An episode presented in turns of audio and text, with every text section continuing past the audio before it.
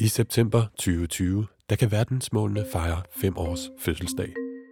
Det er fem år siden, at man i FN gik sammen om at få defineret de 17 verdensmål, der skal opfyldes inden år 2030, hvis klodens fremtid skal sikres på områder som eksempelvis klimaforandringer, fattigdom, miljø og ligestilling. Men hvordan går det egentlig her fem år senere? Hvor langt er vi nået? Og hvad skal der gøres de næste godt 10 år, inden det bliver for sent at vende udviklingen i en positiv retning?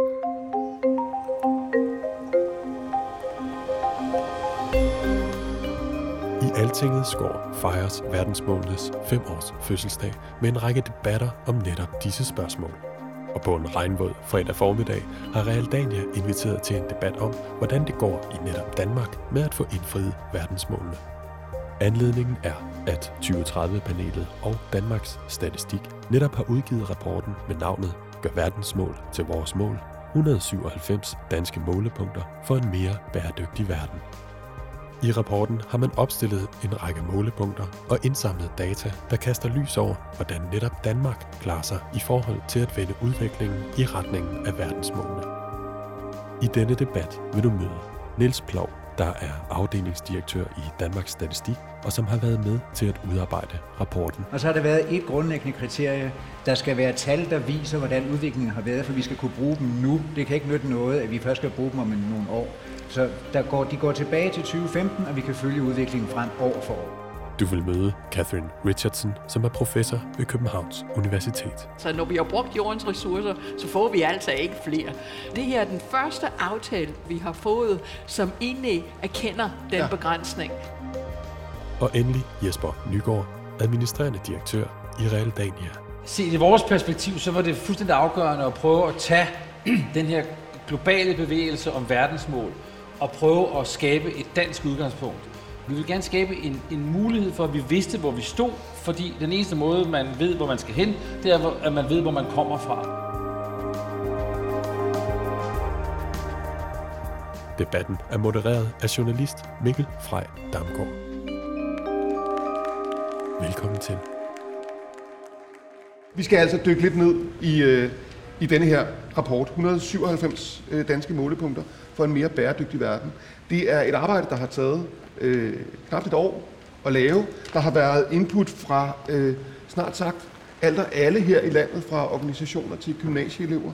Øh, det har resulteret i 6.000 input, som er blevet, arbejdet, blevet bearbejdet og, øh, og, og så præsenteret eller udvalgt i denne her, som sådan set også er et ret fint research-redskab, hvis man skal lave øh, alt mulig anden formidling, fordi man kan faktisk lære noget om, hvad det er for et land, vi bor i.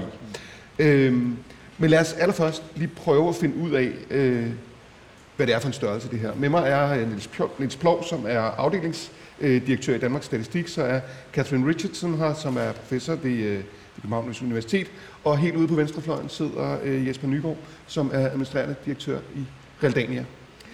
Niels Plov, allerførst, hvad, hvad er det, jeg kan finde i rapporten her? Ja, du kan finde en guldgruppe af øh, fantastiske forslag til, øh, til målepunkter for at følge den bæredygtige udvikling i Danmark, øh, baseret på en øh, meget øh, involverende og kreativ proces, hvor i tusindvis af mennesker, organisationer, eksperter og andre har bidraget til at øh, udarbejde en rapport, som fokuserer på øh, 197 danske øh, målepunkter, og så er der så også en meget lang, næsten 500 idéliste til ting, vi i øvrigt også ja. kunne gøre. Og helt konkret, hvad er et målepunkt i den her forbindelse? Et målepunkt, det er et punkt, hvor der i den her proces har været enighed om, at det er vigtigt at slå ned på det i relation til at følge øh, bæredygtighedsudvikling i Danmark inden for rammen af FN's 17. verdensmål. Og så har der været et grundlæggende kriterie. Der skal være tal, der viser, hvordan udviklingen har været, for vi skal kunne bruge dem nu. Det kan ikke nytte noget, at vi først skal bruge dem om nogle år. Så der går, de går tilbage til 2015, og vi kan følge udviklingen frem år for år. Godt. Og vi dykker ned i, øh, hvad de tal øh, mere præcist er og, og betyder og kan bruges til øh, senere. Lige to ord om, hvordan I har gjort. Vi har haft workshops rundt i hele landet, øh, hvor alle har været inviteret til at deltage. Der er mange, der øh, tusind, der har deltaget generelt i processen.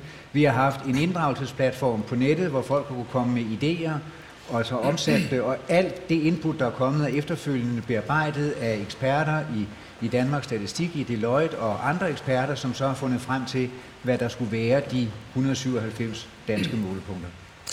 Og Jesper Nygaard, I er i Realdania med til at lave det her øh, projekt. Hvorfor, hvorfor var det her interessant og vigtigt for jer?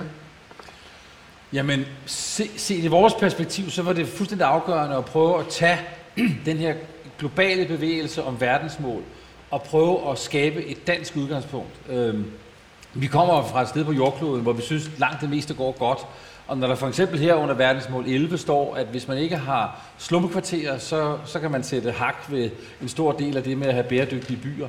Så rigtig meget af det her er jo skrevet af internationale ledere, for at det kan forstås i hele verden. Men, men øh, fordi vi ikke har farvelager som i Rio, så har vi jo ikke øh, en boligpolitik, der i virkeligheden skaber fuldstændig lige og fri adgang til, til boligmarkedet for alle for eksempel. Så det vi gerne ville var at skabe en, en baseline. Vi ville gerne skabe en, en mulighed for, at vi vidste, hvor vi stod, fordi den eneste måde, man ved, hvor man skal hen, det er, at man ved, hvor man kommer fra. Og øh, vi gjorde det sammen med en, en lille gruppe andre, at vi arbejdede sammen med med Danmarks Statistik og, og, og øh, Dansk Arkitekturcenter og Rambøl og nogle andre om at lave en oversættelse på verdensmål 11.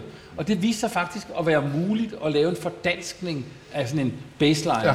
Og så startede vi et projekt, øh, fordi 2030-panelet, hvor, hvor, øh, hvor vi tre i virkeligheden sidder øh, nu øh, i fællesskab sammen med 2030 andre mennesker, synes det var en rigtig vigtig måde at skabe det her som noget, vi kunne give til Folketinget.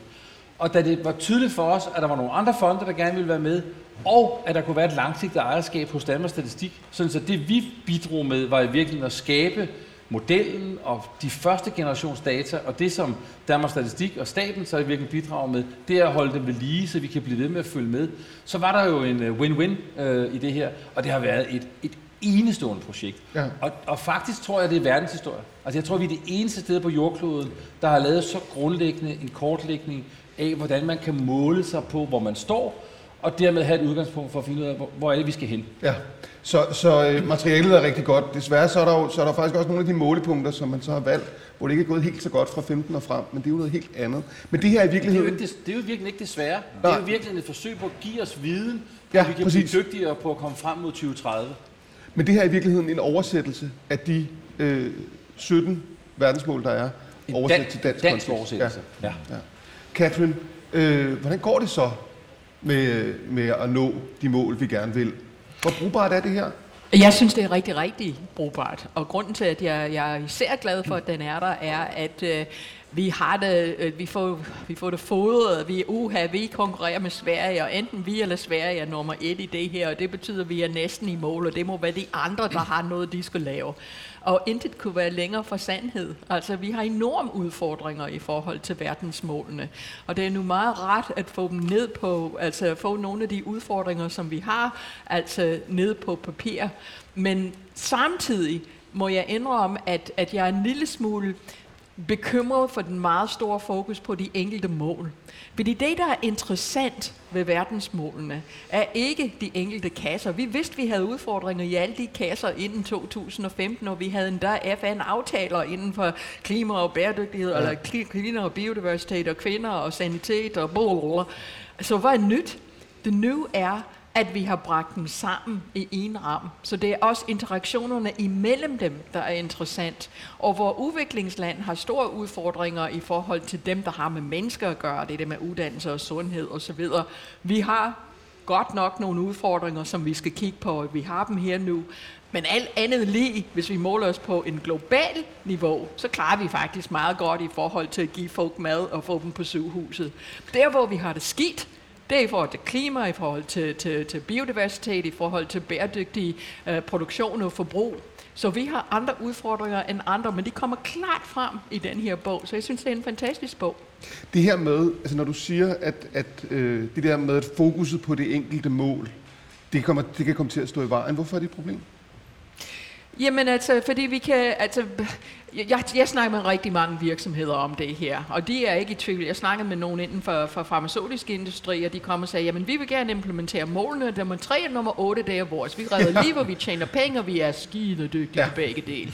Så det er fint, det er nok rigtigt, men altså hvis I vælger to, I er god til, så skal I også vælge to, hvor I mindre går, og vis, hvad I vil gøre anderledes, når I har øh, øh med, med verdensmålene at gøre.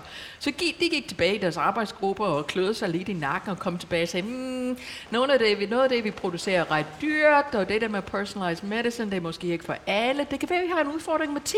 Jo, sagde jeg, det lyder meget rigtigt. Og hvorfor så med den anden? Og de gik tilbage, og de kløede sig i nakken, og, de, og så kom de tilbage og sagde, der er intet, der er intet på den liste, der er relevant for os. Nå, så ja, det er da dejligt. Det, det betyder, at I producerer ikke noget i, eller pakker ikke noget i plastik.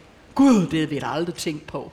Og det er det, som målene skal, skal opfordres, eller ufordres. Og når man så møder dem samlet her, hvad er det så, man kan med den rapport?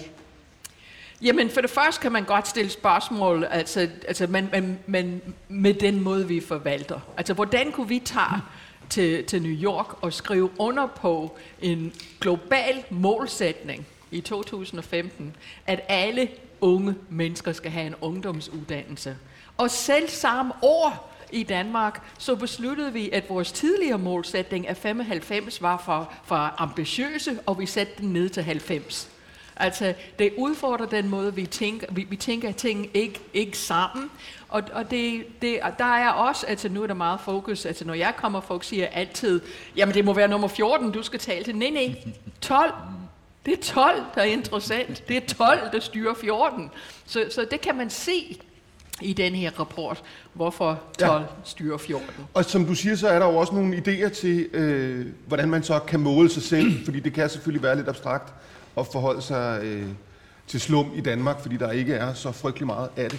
Men lad os så prøve at dykke lidt ned i nogle af de eksempler, der er. Øh, vi har valgt et... Øh... Et af rapportens målepunkter viser, at trygheden i det offentlige rum er faldet siden 2015. Og det gælder især for boligområder, som er særligt udsatte.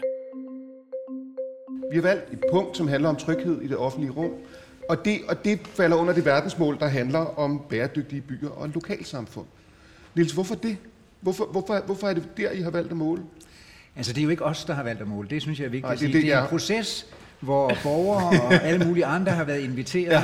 Ja. Øh, vi har haft seks kriterier til, at man kunne komme på, øh, og hvis man har levet om til de kriterier, så har vi sådan set ikke været særlig eksplosive. Så når det der mål er der, så er det fordi, i den her proces har der været nogen, der meget stærkt har syntes, at det var et vigtigt mål at have på.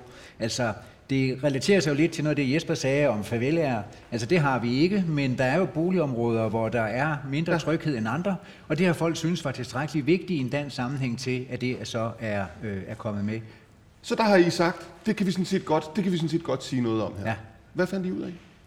Ja, som du kan se, så fandt vi ud af, at, og som du også var inde på i forhold til nogle af de andre mål, at øh, det er et af de områder, hvor det i forhold til den tidligere måling er gået tilbage. Øh, og jeg er meget enig i noget af det, som Jesper også var inde på, nemlig at det, at der er... Altså jeg har brugt en del af min øh, sommerferie på at sidde og læse den der igennem indtil flere gange, før den kom ud. Og første gang jeg læste den, så blev jeg rigtig glad for, at der var rigtig mange punkter, som var en udfordring. Fordi der er den der tendens, som Katrin er inde på, nemlig at vi klapper i hænderne, og vi er nummer et ja. eller nummer to. Men den her, den peger på, der er virkelig noget at komme efter inden for den her ramme, som er relevant også i en dansk sammenhæng. Altså det er jo virkelig rent guf for en journalist, ikke? fordi man kan lynhurtigt øh, finde en eller anden historie, man kan blæse op til et eller andet, men, men faktisk også som borger er det interessant at se. Når man så kigger på det der, mm. hvad, tæ- hvad tænker du Jesper, når du... Øh, når, når du ser det der, I beskæftiger jer med, med, med byrum og byudvikling? Jamen, men jeg tænker, at, at her giver vi øh, samfundets beslutningstagere, og, og det er ikke alene en boligminister eller en finansminister, det er også virksomhedslederne, det er også civilsamfundets institution, det er alle de parter, der kan gøre noget ved det her. Og, og lige, sådan, lige, lige en, der kommer til det, altså noget af det, der gør mig allermest begejstret, det er, at vi ved det her ordvalg, ved at snakke om vores mål, ikke snakke om FN's verdensmål. Det her med, det er flyttet sig til at være, det er ikke nogen over i New York, der skal gøre noget ved det her. Det er os, det er jer, der er her, det er jer, der sidder og ser med på det her. Uanset om man er virksomhedsleder, eller man er medarbejder, om man øh, fra idrætsklubben, eller fra en, alle andre af civilsamfundets institutioner. Og det, man får med det her, det er, at man får en viden om, at man bliver nødt til at handle på det her. Hvis vi øvrigt er enige om, at folk, der bor et sted, der oplever utryghed, at det er en noget, vi skal gøre noget ved, ja. så får du en viden om, om det har udviklet sig relativt i den rigtige retning, eller relativt i den forkerte retning. Hvis du gerne vil have mindre, ja. øh, have mere tryghed, ja. så har det udviklet sig i den forkerte retning. Og det, som den her ikke siger noget om, og det, som Danmarks Statistik går jeg ud fra, og Realdania heller ikke siger noget om, hvad vi siger ikke om, hvad er det, som man skal gøre ved det her? Fordi det er i virkeligheden politikerne, det er ja. erhvervslivet, det er borgerne, det er grupperne, det er byrådene, det, det er alle mulige andre parter, men de får en viden om, hvor det er vigtigt at handle, og det er altså en gave. Catherine, ja, du, du nikker til, altså, er det, er, det, er, det, er det et fornuftigt sted at tage fat, synes du? Absolut, men man skal ikke, man skal ikke bilde sig selv ind, at bare man opnår de her ting, så er ting bæredygtige. Altså, der, der er, altså, der er for, for eksempel er jeg skuffet over, at der ikke er mere i, i den her omkring um, de ældre. Altså, hvordan, altså vi får en større og større gruppe af ældre mennesker, hvordan giver vi dem en værdifuld øh, altså, otium, hvordan kan de bedst give tilbage til samfundet. Så der er masser af andre ting uden for, for det her, men jeg er fuldstændig enig i det, som Jesper siger, at hvis man vil gøre noget bedre, så, er der, så skal du vide, hvor du er hen, mm. og, og have et mål for, hvor du vil hen. Og selve verdensmålene, og jeg kan så godt lide, at du ikke sætter FN foran dem, som de fleste gør, men verdensmålene, det er første gang, selvom vi har haft de der satellitbilleder, billeder siden slut 60'erne, der viser, at jorden, altså når vi har brugt jordens ressourcer, så får vi altså ikke flere. Der er ikke nogen rør, der skal bringe os mere.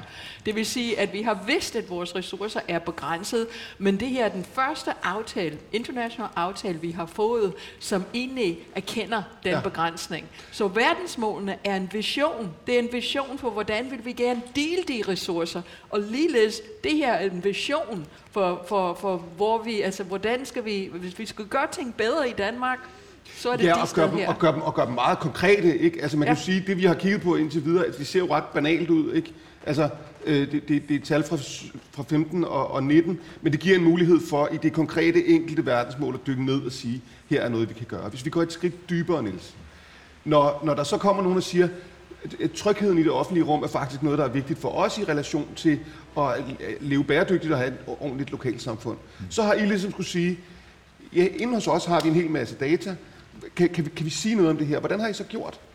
Altså, vi har haft... Hvad ligger der bag de tal, var jeg ved at sige? Altså, vi har haft det krav, at der skulle være øh, det, vi kalder veldokumenterede data. Altså, og nogen, der kommer sådan med et vist mellemrum, så vi netop kan øh, følge med i. Og det her det er fra, fra Trykfondens øh, tryghedsundersøgelse, som de laver med, med jævne mellemrum. Det betyder, at dem vil vi kunne rapportere på fra nu af og frem til 2030. Der ligger jo også det i det, som Jesper var inde på, at øh, den her rapport, som er kommet i år, den vil leve de næste 10 år, fordi en gang om året vil der komme en opdatering mm. og en mulighed for at se, ja, nu kan vi se frem til 2019 her, men på et eller andet tidspunkt ja. kan vi også se til 2021, øh, hvad vej det så øh, går. Derfor har det været vigtigt for os, at vi øh, stoler på dem, som leverer dataen. De allerfleste af dem, halvdelen af de danske målpunkter, det er data, som vi selv har i Danmarks Statistik. Den anden halvdel er nogen, som vi skal hente øh, andre steder. For eksempel i, i Trykfondets For eksempel i Trykfondets trykfondsundersøgelse, ja. Men helt konkret, hvad er det for nogle tal, I har kigget på? Hvad, hvad, er, det, hvad er det for nogle, hvad er det for, øh, for områder, man kigger på, når man taler om tryghed i det offentlige rum? Altså der har vi jo øh, i de der øh, arrangementer, vi har haft, spurgt øh, ind til det hos, øh, hos folk. Øh, og, og en af de der ting, som kom op, det var blandt andet det, faktisk også i forhold til de ældre. Altså det er rigtigt, at vi har ikke så meget fokus på de ældre, men under hvert målepunkt er der en øh, markering af, om de kan deles op på geografi og alder. Så det vil sige, hvis man nu ville se det her på aldersgrupper, så kunne vi godt gøre det. Hvis man på et eller andet tidspunkt kom i en situation, hvor man ville se noget omkring det her og de unge, så kunne man også gøre det. Så vi har lavet et apparat, om jeg så må sige, som gør, ja. at man kan gå ind på Danmarks Statistiks hjemmeside. De ligger der nemlig, så det vil jeg opfordre alle til at gå ind og kigge. Og så kan man sådan set hive tallene ud, og også selv arbejde med dem i relation til det, som man specifikt vil bruge dem til. Jesper, ja. Jamen, altså det, det der jo er rigtig vigtigt ved at have Danmarks statistik, så kan man sige, som, som den driftpartner, der skal stå for det her på den lange bane, er jo, at I er integriteten selv. Altså, I har enten data selv, eller også tager I kun valide data. Når, altså, vi, dels lever vi et sted på jordkloden, hvor vi generelt stoler på, hvad offentlige myndigheder siger. Vi stoler på hinanden, men, men vi stoler jo på Danmarks Statistik. Så på den måde, I er jo ikke sat i verden for at drive en dagsorden for eller mod tryghed, eller for eller imod forskellige politiske gøremål. Men I er sat i verden for at sikre sig, at de data, vi andre kan træffe beslutninger på, er så rigtige som muligt. Og det er jo en fantastisk kan man sige, part at have med her. Ja. Og det, som også er morsomt at kigge ned i, nu er overskriften jo det her, kan data øh, redde verden? Og det er jo klart, at data i sig selv ikke kan redde verden, men som, som det meget gerne skulle være klart allerede nu, så kan vi med data, de data sige noget meget konkret om, hvordan vi lever vores liv og hvordan vi indretter vores samfund. Og det har jeg fisket lidt efter, og nu jeg, håber jeg virkelig, at jeg husker rigtigt. Er det ikke rigtigt, at når man skal sige noget om trygheden i det offentlige rum, så ser man for eksempel på, om folk de synes, det er trygt at færdes, færdes i parker om natten? Det er noget af det, man spørger til. Og, og færdes der, altså i de stisystemer og andet, øh, som der er der, hvor man bor. Ja. Og så bliver det for, for os alle sammen meget enkelt at forholde os til, om vi vil gøre det bedre eller dårligere, eller hvad? Nej. Altså, man, Jamen, jeg, jeg, jeg, man skal også passe på, at man ikke... det må ikke blive for meget gode. for, for, forsimpler det. Mm-hmm. Altså man kan sige, det her er jo den oplevede tryghed. Mm. Øh, så der er jo ikke nødvendigvis en korrelation mellem den oplevede tryghed og den faktiske kriminalitetsstatistik. Men det er rigtig vigtigt at vide, om folk både i parker, i deres boligområde, i deres, øh, i deres øh, når, de, når de flytter sig fra, arbejds, fra hjemmet til arbejdsplads og sådan noget, føler en tryghed. Bruger offentlig transport, som der også har været Lige præcis. Og det er jo i virkeligheden det at så gøre noget ved, at den oplevede tryghed bliver bedre. Det handler jo for eksempel også om, hvordan øh, medier kommunikerer om kriminalitetsstatistik. Der er jo der er mange implikationer i det her, ja. som ikke bare handler om mere gadebelysning. Det kunne også handle om mere gade, Ja. eller anderledes gadebelysning, eller anderledes indretning af en parkområde. Men det er bare, du får her et, et, et udtryk for sammenhængen mellem folks livskvalitet og noget, de oplever. Øh, og, og det er jo et vigtigt ting. Ja, og det jeg så vil sige var, at, at bag det er der et datasæt, som man så kan dykke ned i, som, som Niels også lige sagde. Mm. Lad os øh, hoppe videre til næste eksempel, som øh, handler om klima. Og, og, og det er jo en diskussion... Et andet af rapportens målepunkter handler om klima. For data viser, at de danske kommuners omkostninger i forbindelse med oversvømmelser vil stige markant i år 2065, hvis ikke der handles nu. Hvordan kan det være, at det er det, man har valgt øh, at måle på, Niels, i virkeligheden, når det handler om klima? Altså det er igen, fordi der har været nogle velkonsoliderede data, og en, en, øh, en af de måder, som øh, folk jo vil opleve øh, klimaforandringerne på, det har vi jo også set masser af eksempler på, det er jo på det kommunale niveau. Altså i Danmark, sådan som jeg kan huske det, i høj grad noget, der handler om oversvømmelser. Lige nu styrt regner det, det gør det så ikke lige nu. Men Lige nu det har det gjort, faktisk ikke. Men det, har det, men det har det gjort indtil nu.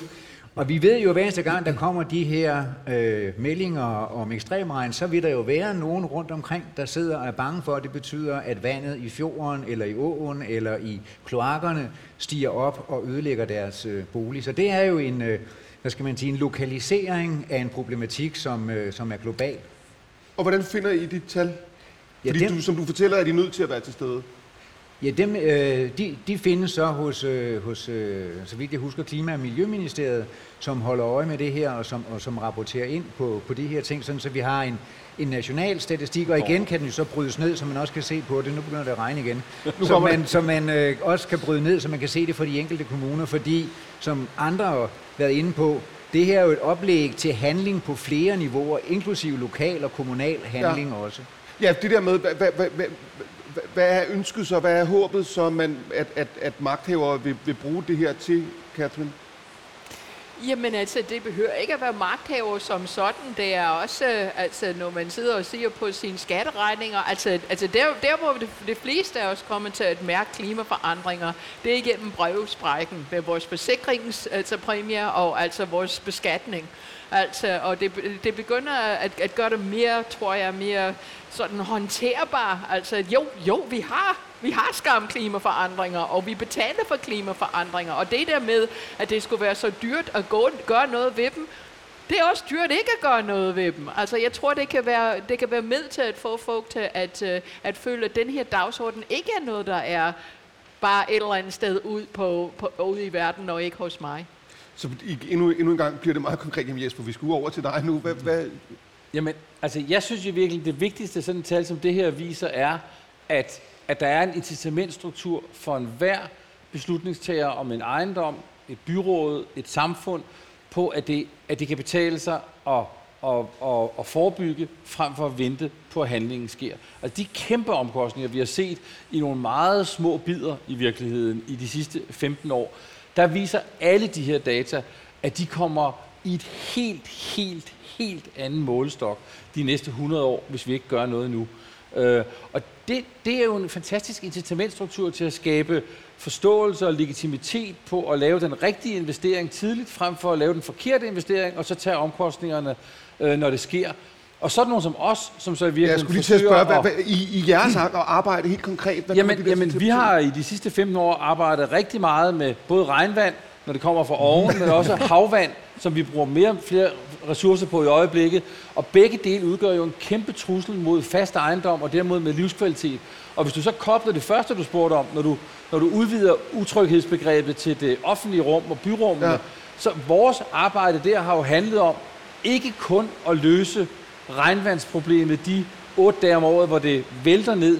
Fordi hvis vi gjorde det, så ville vi have en kæmpemæssig samfundsmæssig investering, som var spildt de 357 dage. Men hvis vi nu kunne gøre de der byrum tryggere og bedre de 357 dage om året, og så samtidig sikre sig, at de der byrum, de otte dage om året, hvor de tisser ned fra oven, var mere trygge. For eksempel ved at, ligesom i Søborg, hvor der er et område, der, der 350 dage om året, eller 355 dage om året, er et øh, skatermiljø, og otte dage om året er det et vandreservoir. Ja. Øh, der gør du Enghaveparken både- er vist også lige blevet Ja, sikret jamen, der er masser af sådan gode eksempler. Og, og det handler jo virkelig om, at der gør du noget med de data, vi snakkede om først, om tryghed, og du gør noget med de data, vi snakker om nu, og undgå de der kæmpe regninger øh, ved at sige, at du skal slå to fluer eller tre fluer med et smæk. Så det her er et inspiration Ja. til at træffe beslutninger, jo før, jo bedre. Med det her i hånden. Fordi noget af det, man ofte, når vi taler om klimaforandringer, øh, ender med at komme til at diskutere, er, jamen, altså, vi, kan jo ikke, vi er jo et lille land, vi kan jo ikke rigtig gøre noget. Så bliver det faktisk enormt konkret Vi kan gøre at forholde masser. sig til det her. Nå, men du, du kender det der med, at betyder det noget, hvis, hvis Kina alligevel forurener så og så meget, så bliver det faktisk oversat og konkret her. Det næste eksempel, jeg har fundet frem, handler om øh, det, der hedder kulturarv. Når det skal blive konkret i Danmark, så har I valgt at kigge på fredede bygninger fra 15 til 19. Hvorfor det? Et tredje målepunkt handler om kulturarv. Her har man i rapporten valgt at se på udviklingen med at frede bygninger med stor kulturel værdi. Her viser rapporten, at antallet af fredede bygninger er faldet de sidste fem år. Samtidig viser rapporten, at der er store regionale forskelle på, hvor mange bygninger man freder. Hvorfor det, og hvad opdagede I? Altså dels igen for at svare på hvorfor spørgsmålet, fordi folk i de, de diskussioner, vi Ja, har haft, rigtigt. Har syntes, at det her var ekstremt vigtigt ja. øh, i forhold til... Ja, nå. Øhm, og så er det jo noget... Beklager, Niels, jeg bliver ved med at stille det samme spørgsmål. Og så er det jo noget, der er rigtig udmærket øh, data på. Og, øh, og hvis der er en sammenhæng mellem øh, øh, hvad skal man sige, bevaringsværdigheden af en bygning, og så er det, at den bliver fredet, går jeg ud fra, der er, øh, så er det jo en meget god indikation på, hvordan, øh, hvordan det går. Jeg ved også godt, at der er nogle øh, forskellige sådan mere økonomiske, skattemæssige forhold omkring fredede bygninger, som gør, at man kan have nogle interesser i at bevæge udviklingen i en eller anden øh, retning, som ikke nødvendigvis har med, med kulturarven at gøre. Men det er et øh, godt velkonsolideret datasæt, mm. som også kan deles op på regioner, så man kan se, hvordan går det med at bevare øh, øh, de her bygninger. Men kan det sammenlignes? Altså man kan sige, det er, jo, det er jo ikke så besynderligt, at, at, at jeg tænker, at København lyser op, al den stund, at, at hovedstaden mm. har været hovedstad i mange, mange år, derfor ja. Ja. bedre grund til at... Det kan jo godt sammenlignes. Altså, der vil også være en masse andre forhold, hvor der, Ja. hvor der er flest i hovedstaden, fordi der bor nu rigtig, rigtig mange mennesker. Øh, så øh, man kan jo så sammenligne det i forhold til den samlede boligmasse, eller hvad det nu er, man vil. Man kan jo også bruge det til at have nogle diskussioner i de andre regioner omkring øh, deres, hvad kan man sige, praksis på det her område i relation til den praksis, som der er i Danmark. Så jeg synes sådan set, det kan være rigtig nyttigt, hvis man nu synes, at det her med, at man på en ordentlig måde bevarer de ældre bygninger, også for eftertiden, er en, er en vigtig ting. Og det har man syntes i den proces, som vi har haft. Hvad, hvad tænker du, Catherine, om den Ja, oversættelse, jeg var tænker, jeg ved det at mest, sige? jeg tænker, det mest interessante er det, der står ude til venstre, at der er et fald fra 2015 til 19. Jeg synes, det er noget rigtig nyttigt tale at have og sige indtil i fremtiden. Om fem år er der endnu færre, og er der, er der en region, der har mistet 20 procent. Altså, mens det, altså, Og det kan man- Jeg synes, det er baseline, der er, det er en fantastisk vigtig baseline, men om man kan læse noget ud af den fordeling, der er nu, det, det, det vil jeg ikke uh, spekulere for meget over. Nej. Men, Men som, men som øh, et incitament til at øh, forholde sig til problematikken i virkeligheden. Jo, også. Altså, jeg tror også, at myndigheder og, og politikere tænker over det nu. Når vi ved, at det er et talhop, folk holder øje med, så tænker man måske sig om en anden gang, når man siger, nå ja, det kan vi bare fjerne den fredning, og så kan vi putte den motorvej lige der. altså, altså, hvis der er nogen, der følger, følger de tal, så, så, så er man mindre tilbøjelig til at bare fjerne dem. Men, men Jesper, I, I, I, I beskæftiger jer jo også med, med øh, øh, ikke renovation, men at renovere øh, bygninger. Øh, altså, er, er fredninger altid fornuftige, var jeg ved at sige? Er det, og, og, øh, men er det det rigtige redskab?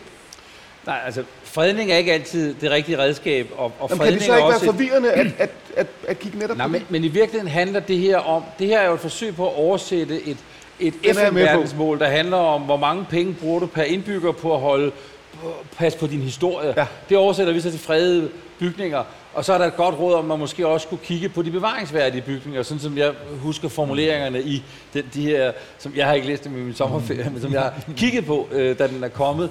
Og, og det er jo virkelig et udtryk for, at jo mere du også passer på din historie, der er jo noget virkelig vigtigt bæredygtigt i, at du ikke doser alting ned, men at du har en historie, du vil passe på, og du har nogle bygninger, du vil, du vil passe på. Og, ske, og for vores vedkommende, handler det om, at de fredede bygninger skal have liv. De skal bringes ind i en moderne kontekst. Og det er der jo, altså for mig er bæredygtighed noget med økonomi, noget med social, øh, hvad hedder det, øh, noget med det miljømæssige, men det er også noget med vores kultur. Altså vores kultur er fuldstændig afgørende, vi også passer på. Men Jesper, lige nøjagtigt her, ikke, så er det jo sådan lidt...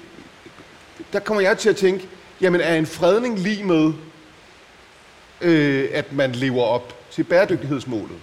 Bliver, bliver jeg for, kan hvis jeg bliver lidt forvirret af det punkt, er det så ikke meget rimeligt?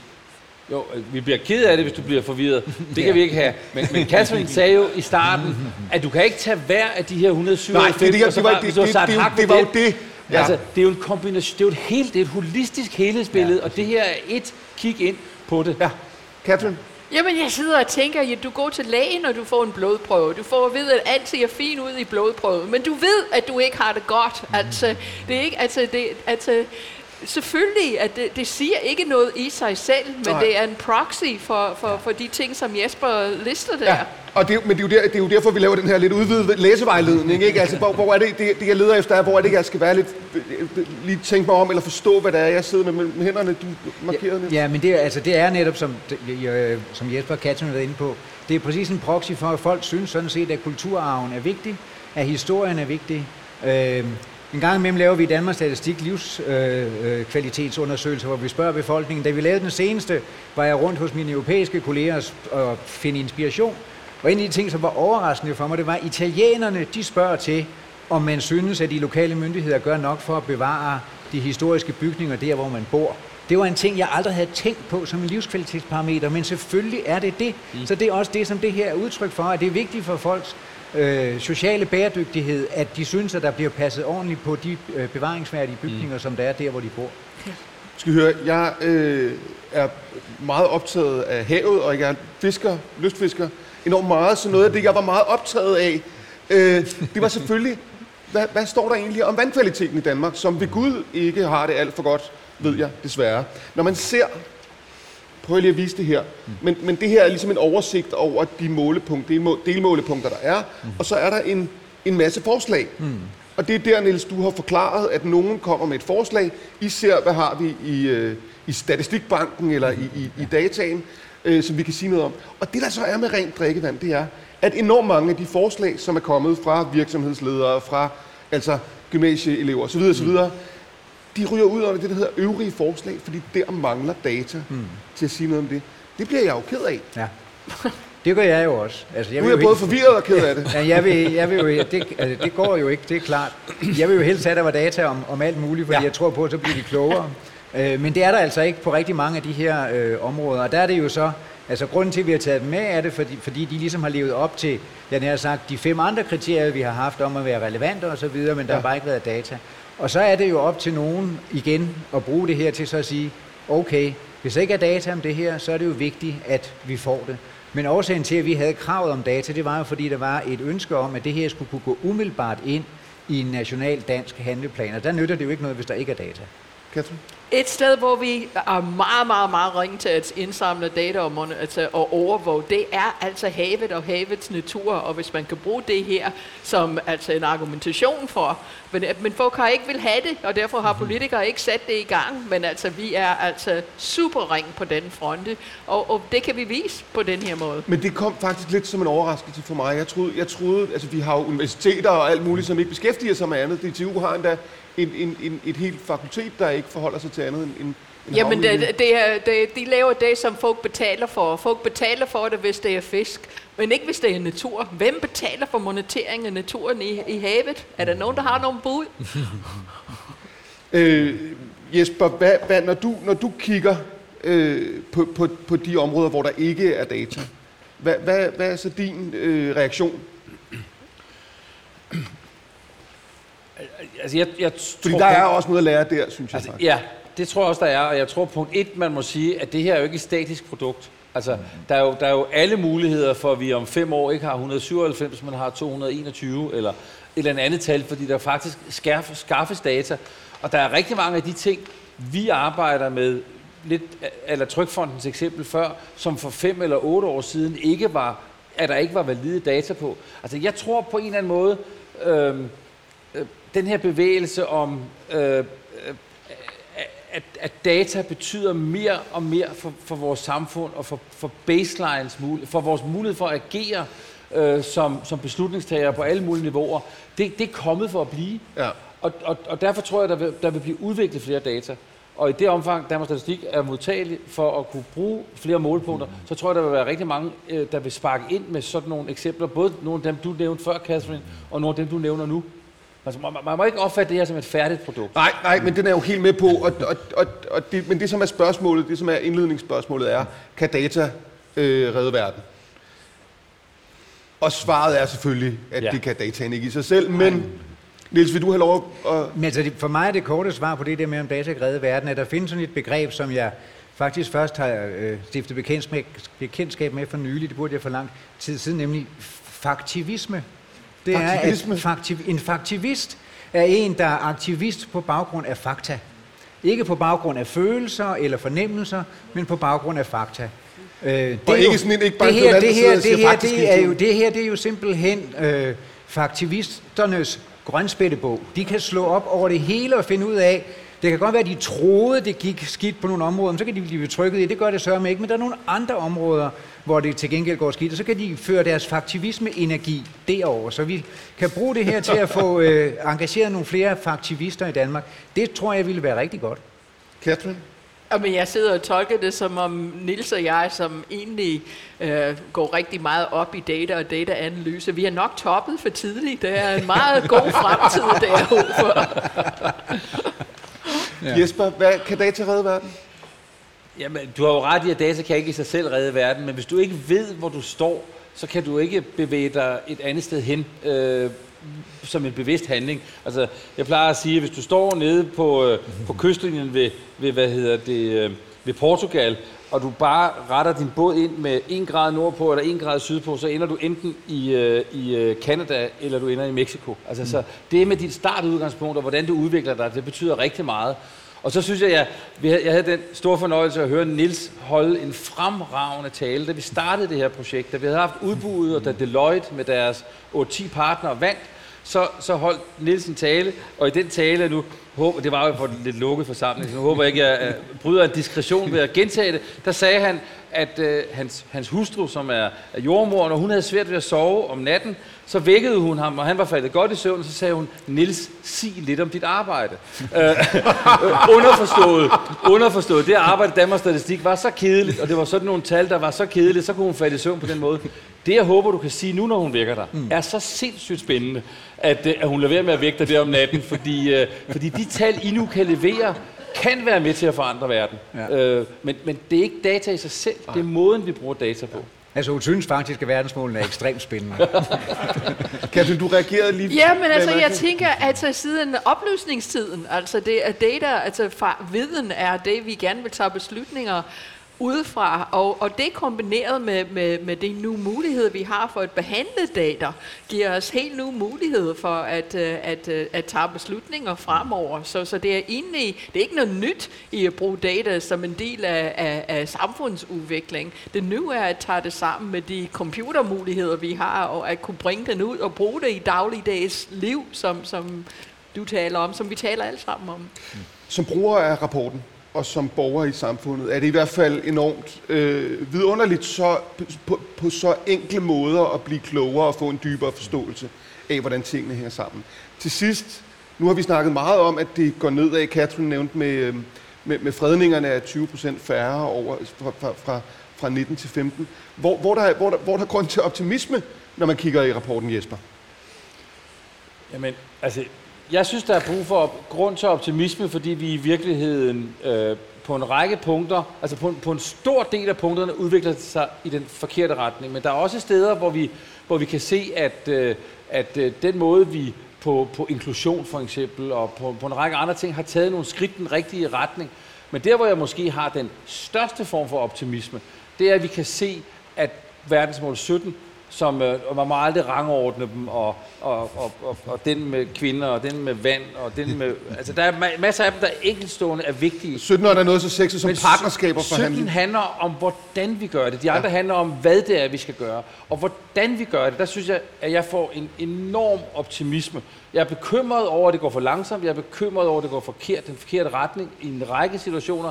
Men jeg er rigtig glad for, at vi har erkendt, på, på næsten alle niveauer i vores samfund, at det her ikke nok er en finansminister siger, nu skal vi gøre det, eller en klimaminister siger det, eller en statsminister, eller en oppositionsleder.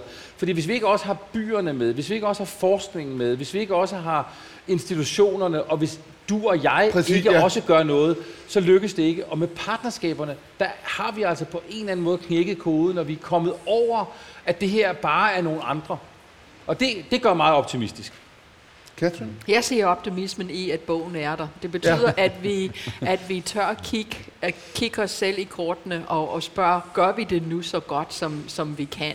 Og, og hvis du ser på Danmarks første handlingsplan for bæredygtig udvikling for, for verdensmålene, det var, at vi kigger på de politikker, som vi har i forvejen, og hvad kan vi klistre de forskellige mål på?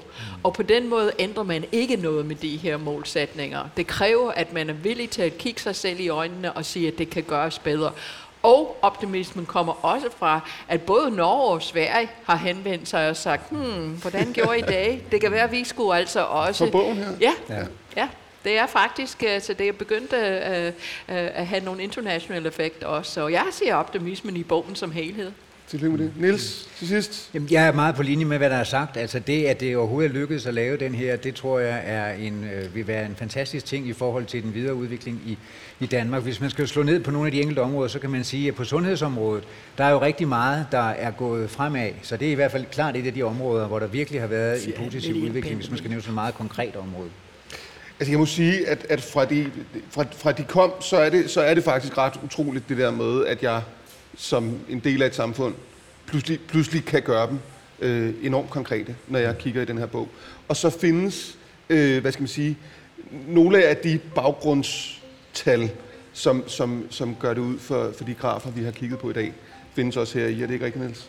Det gør de, og de findes også på Danmarks Statistiks hjemmeside. Vi har lagt øh, omkring 40 ud allerede, og så vil vi øh, så hurtigt vi overhovedet kan få lagt ud, sådan, så man kan gå ind og finde tallene for de 197 danske målepunkter, ligesom man kan finde tallene for de 232 globale indikatorer. Og rapporten her, Jesper, kan findes Altså, det kan findes på voresmål.dk, og den ja. kan findes på Danmarks Statistiks hjemmeside, den kan findes en række steder, og hvis man er i tvivl, kan man altid bare google vores mål. Ja. Så er den der. Mm. Tusind tak alle tre, fordi øh, I var med. Og jeg skal lige beklage øh, de der skybrud, der var indimellem. Det, det øh, gør vi noget ved over de næste, frem mod 2030. Så håber vi, de ikke kan styre springen.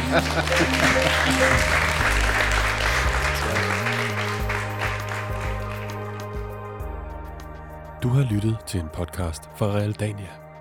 Du kan finde mange flere podcasts fra Realdania om byggeri, bæredygtighed, arkitektur, kulturarv og særlige steder rundt om i landet, der hvor du normalt henter dine podcasts.